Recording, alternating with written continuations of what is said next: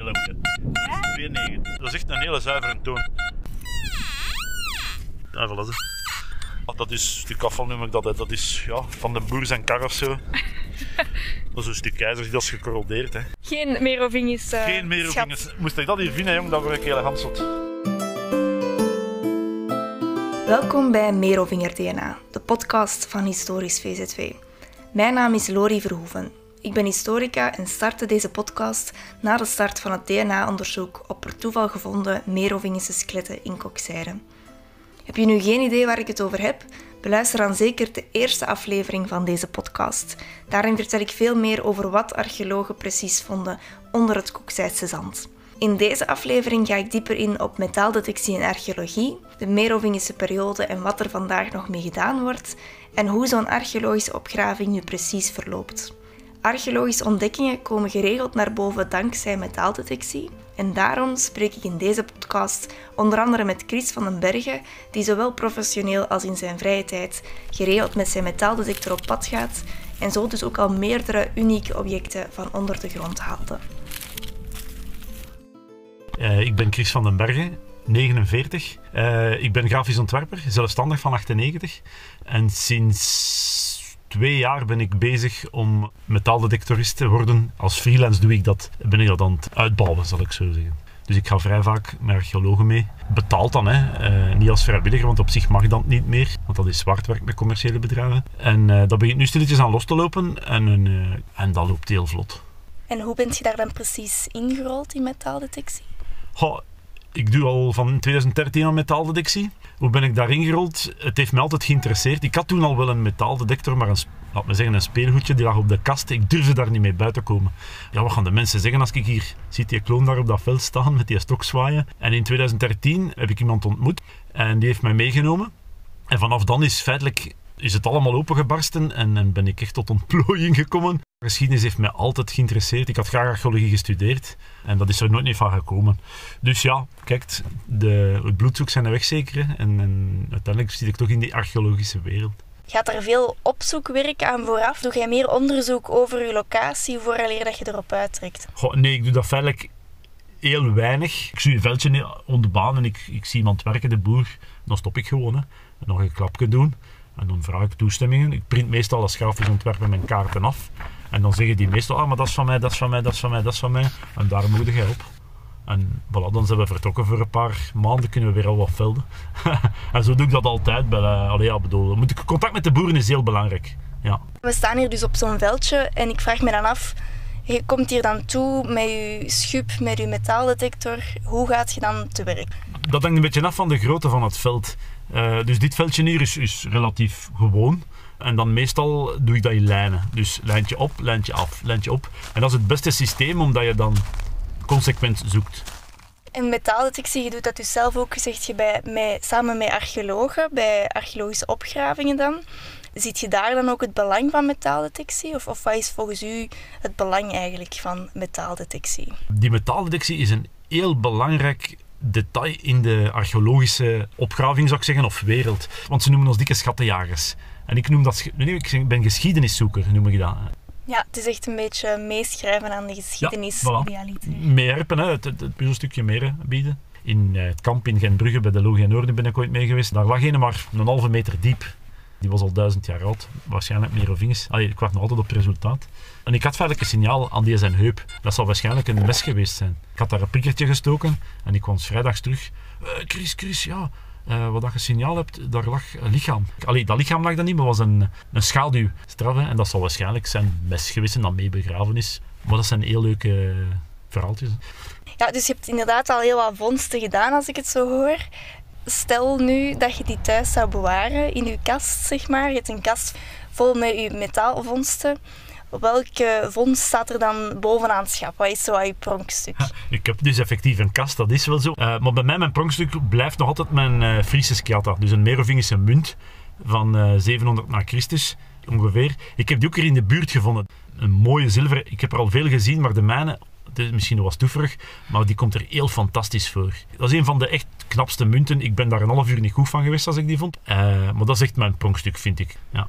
ik vraag me dan af, dus je, je bent dan, dat was dan toevallig hier in de buurt, aan het zoeken. En je haalt die munt uit de grond, letterlijk. Heb jij dan direct door van, oh, dat is hier echt iets waardevol? Of moet je daar andere experten voor inschakelen om dat eigenlijk te kunnen bepalen? Het rare was, die, die dag, ik, ik was, het was ver op plaatste van de zoektocht, we waren met een man of twee, drie, of vrouw, hè, en ik had een signaal. En ik, schep, ik wil een putje scheppen, maar mijn zoon zat op internaat zijn eerste dag. Die belde, dus even gewacht. Hij heeft eerlijk wat geweest eer dat ik dat putje open heb gedaan. Dus ik doe die schep eruit en hij zat er nog in. En ik zag die runetekens. Langs de ene kant het stekelvarken. En aan de andere kant zijn zo wat stamtekens. En ik zag die zitten en ik dacht bij mezelf... Ja, ja dit, dit is iets. Dit is iets speciaals. Toen was dat echt... Ja, wat is dit?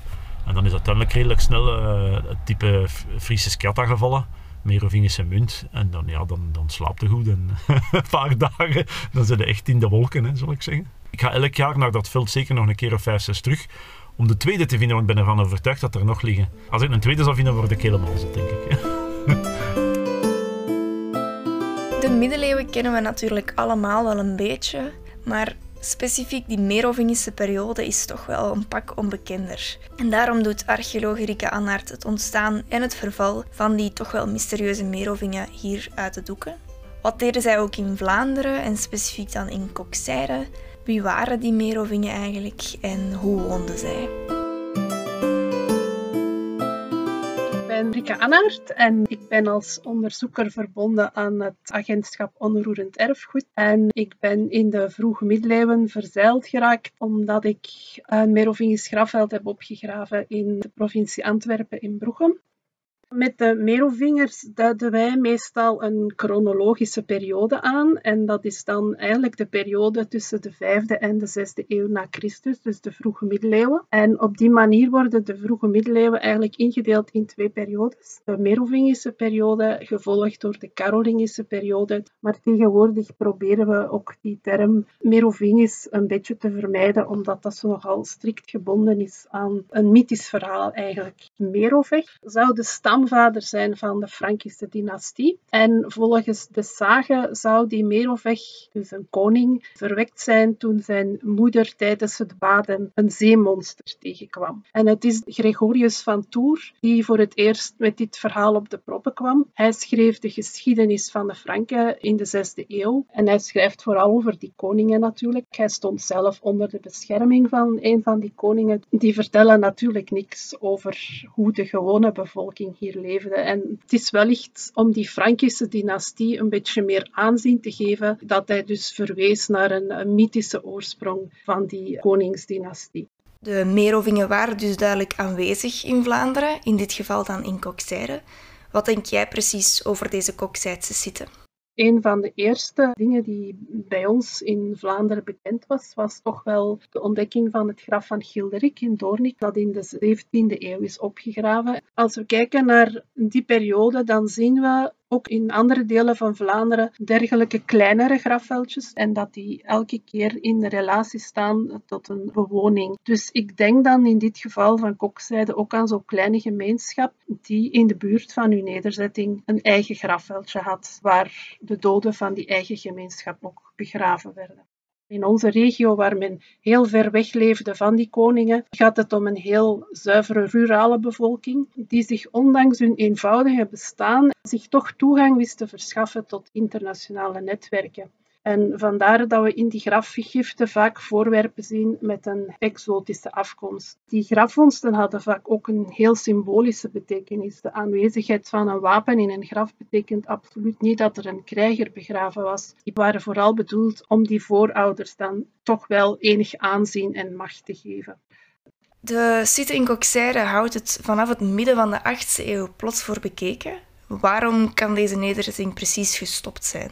Ja, dat is ook wel een beetje moeilijk, omdat we maar een beperkt deel hebben opgegraven natuurlijk. Dus het kan zijn dat die uh, nederzetting langs een andere kant gewoon is blijven voortbestaan. Uh, in deze periode situeert zich ook de kerstening van uh, onze gebieden, ten vroegste in de 8e eeuw. Dan werden er vaak kleine houten kerkjes opgericht, waar rond men dan ook ging wonen. Dus het kan zijn dat in dit grafveld nog een pre-christelijke gemeenschap begraven is, maar dat de gekersende gemeenschap is weggetrokken naar een nederzetting bij een houten kerkje bijvoorbeeld. Dus dat kan wijzen op een tamelijk abrupt einde. Dankjewel Rika om ons meer te vertellen over de Meerovingen in het algemeen en het rurale bestaan van die Meerovingen in Kokseire.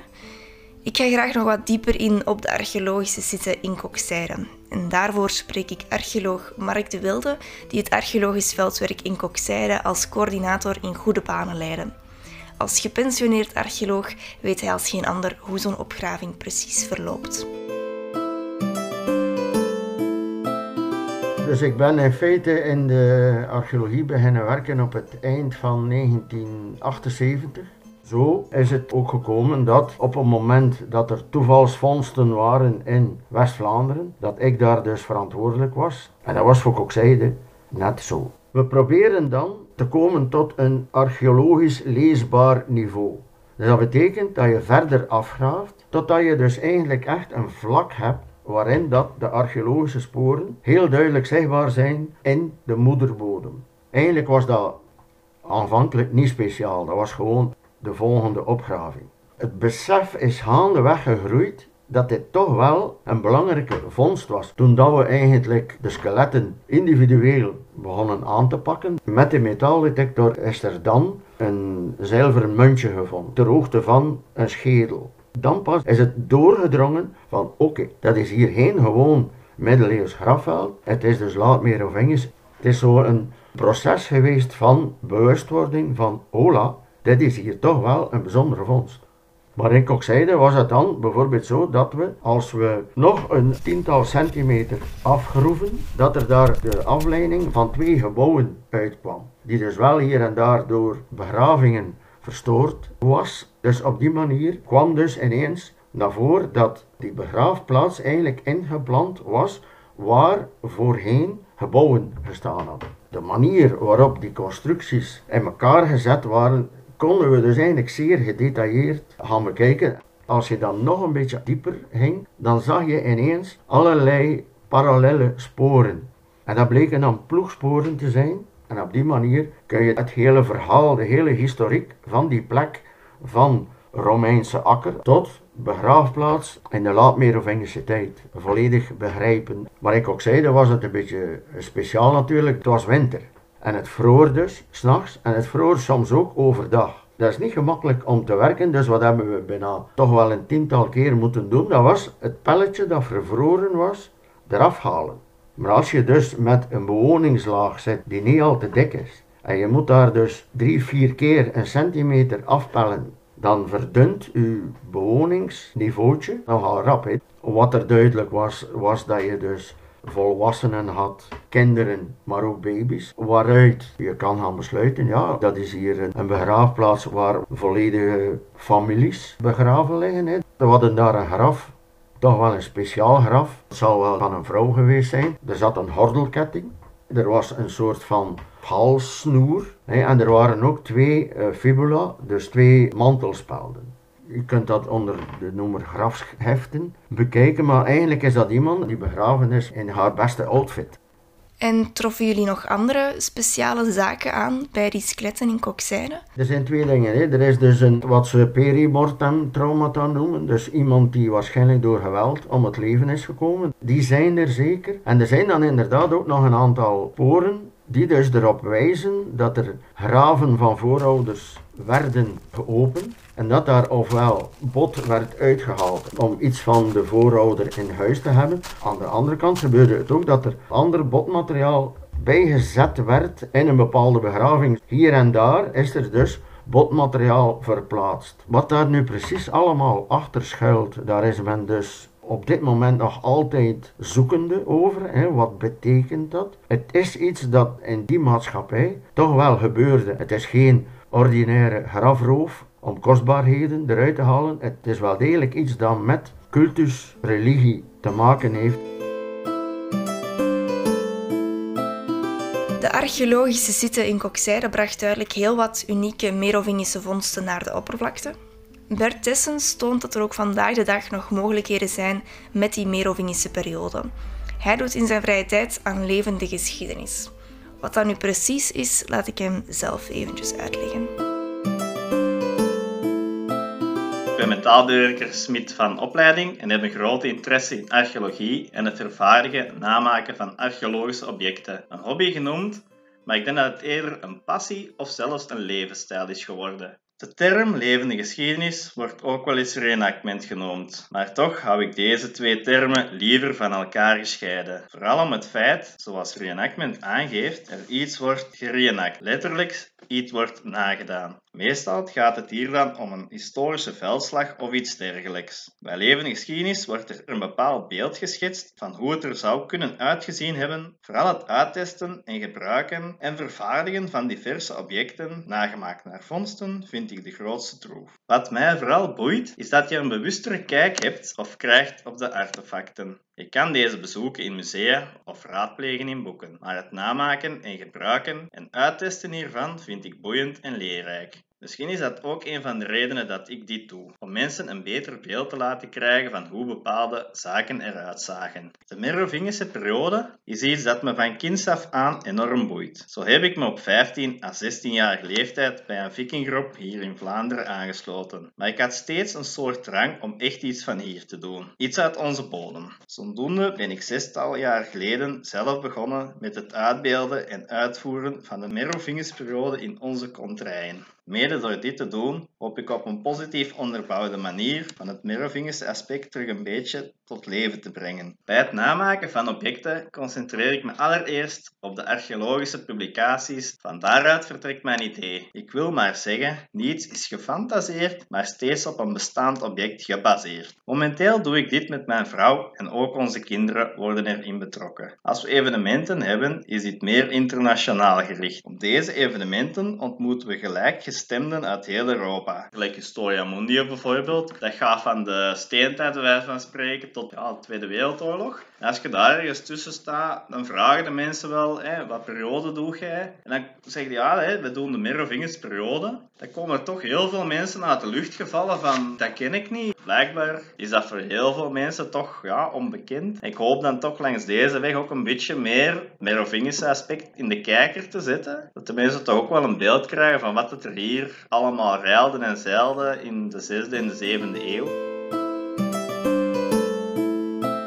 Dit was de tweede aflevering van Merovinger DNA. Samen met metaaldetectorist Chris van den Bergen, archeologen Rika Anaert en Mark de Wilde en Bert Essens die aan levende geschiedenis doet. Nu is het wachten op de resultaten van het DNA-onderzoek op de gevonden Merovingische skeletten. Neem dus zeker ook een kijkje op onze website merovingerdna.be of historischvz2.be om het onderzoek mee te volgen. Bedankt om te luisteren.